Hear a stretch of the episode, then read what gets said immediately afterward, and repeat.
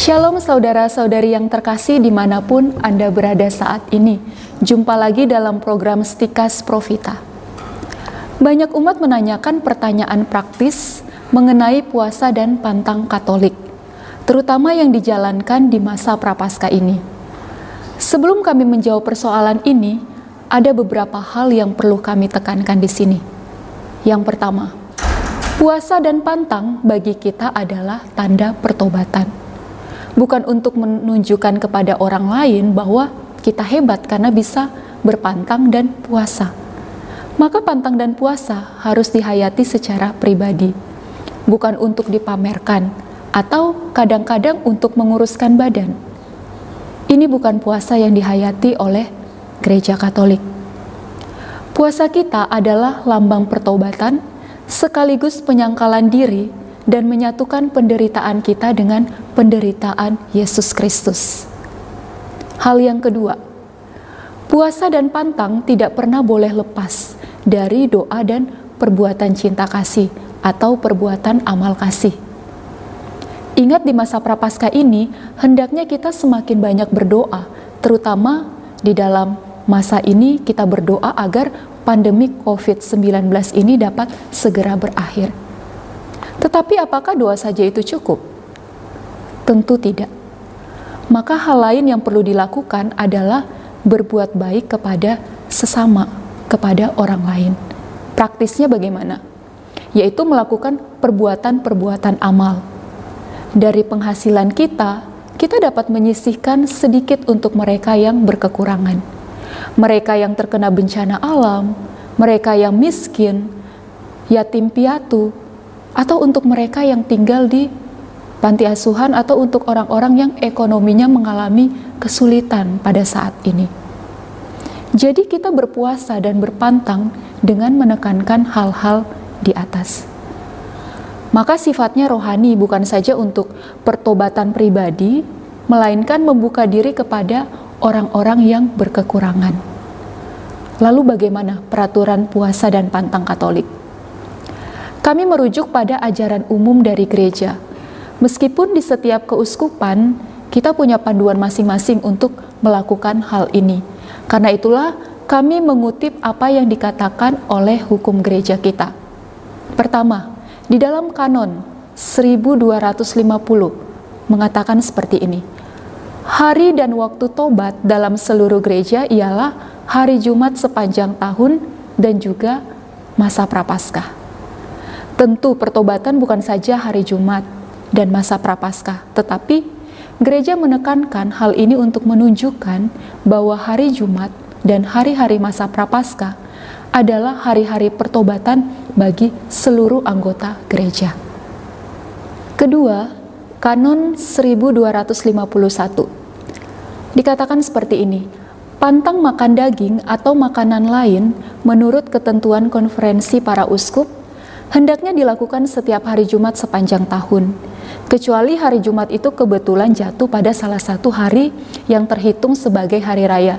Sedangkan pantang dan puasa hendaknya dilakukan pada hari Rabu Abu dan pada hari Jumat sengsara dan wafat Tuhan kita Yesus Kristus. Artinya begini, setiap hari Jumat sepanjang tahun kita pantang makan daging atau makanan tertentu, misalkan cabai, atau makanan-makanan yang menjadi kesukaan kita. Kecuali kalau hari Jumat itu adalah hari raya. Kami tekankan lagi bahwa setiap hari Jumat adalah hari pantang makan daging dan makanan tertentu. Bukan saja pada masa prapaskah, tetapi pada setiap hari Jumat. Kecuali kalau hari itu uh, jatuh pada hari raya.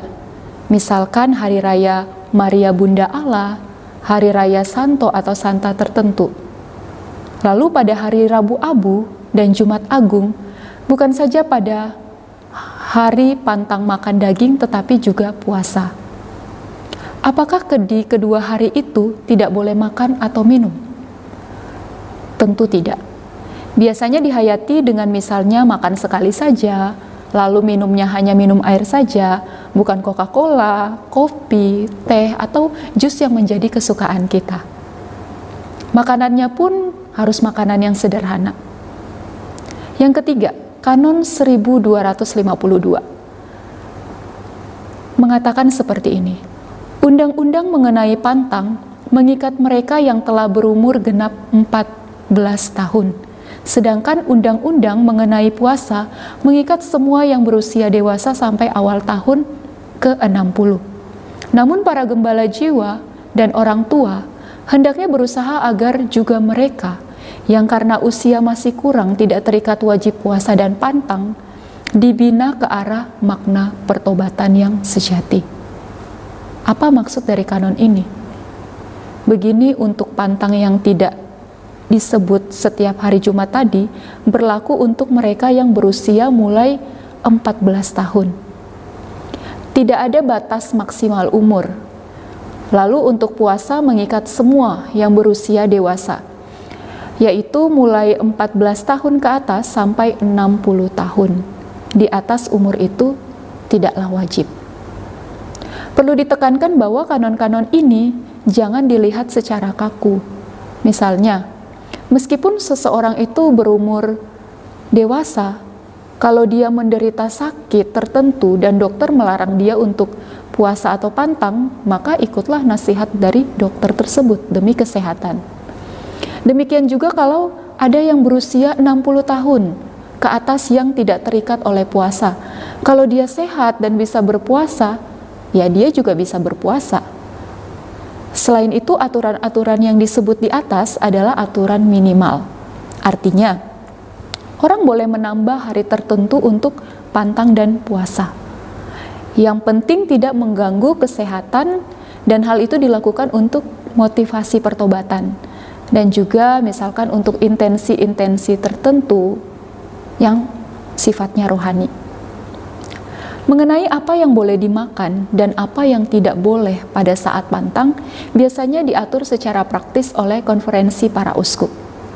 Yang jelas pantang dan puasa ini memiliki motivasi untuk mendekatkan kita kepada Tuhan, untuk mendukung setiap tobat dan penyangkalan diri, dan untuk kemajuan hidup rohani kita.